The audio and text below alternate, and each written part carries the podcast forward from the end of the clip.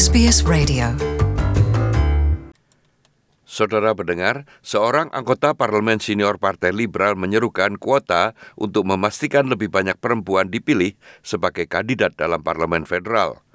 Anggota parlemen federal sebagai asisten Menteri Pembangunan Regional, Susan Ley mengatakan, Divisi New South Wales harus memberi target yang masuk akal untuk meningkatkan jumlah perempuan dalam parlemen. Berikut ini Peggy Giacomolis melaporkan. Dalam sebuah wawancara dengan surat kabar Australia, Lei mengatakan target yang masuk akal seperti 40 persen harus dilaksanakan secepat mungkin dengan banyak wanita yang sudah siap untuk mengambil peran dalam politik.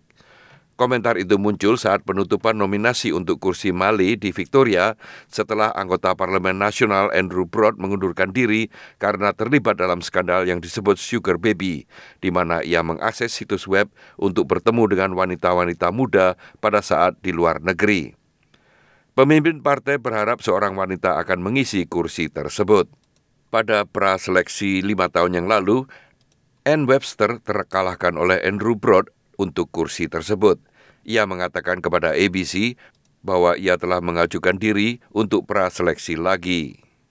Voters are sick and tired of the political shenanigans that have gone on. These are the actions of individuals, not the um, values of the party.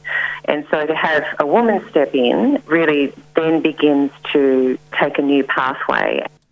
Menjelang pemilu federal yang dijadwalkan pada bulan Mei mendatang, Partai Liberal memiliki 21 kandidat wanita dan 102 kandidat pria untuk majelis rendah. Namun kandidat untuk 10 daerah pemilihan masih belum dikonfirmasikan. Jumlah itu menunjukkan bahwa Partai Liberal bisa memiliki jumlah kandidat perempuan terendah untuk pemilihan umum abad ini hanya terdapat 12 wanita dari 74 kursi koalisi di majelis rendah dan jumlah itu berkurang setelah Julia Banks keluar dari partai untuk duduk sebagai independen. Anggota parlemen Gilmore, Anne Satmalis, juga mengumumkan pada bulan September bahwa ia tidak akan ikut dalam pemilu kembali dengan alasan perilaku buruk di divisi New South Wales. Sementara itu, Jane Prentice kalah dalam pemilihan awal untuk kursi di Brisbane. Partai Buruh memiliki hampir 50 persen wanita di jajarannya yang menurut penjabat pemimpin, Tanya Plibersek, membutuhkan waktu puluhan tahun dan upaya yang keras untuk mencapainya. Parliament that is more representative of the Australian community makes better decisions. I think greater gender equality is obviously good for women, but it's also good for men. Uh, I don't think it's harmful to say this or to have this discussion. And well, I guess what's disappointing is that uh, you've got people uh, in the Liberal Party who are trying to shut down the debate um, because they, they feel it's a debate that reflects badly on the Liberal Party itself.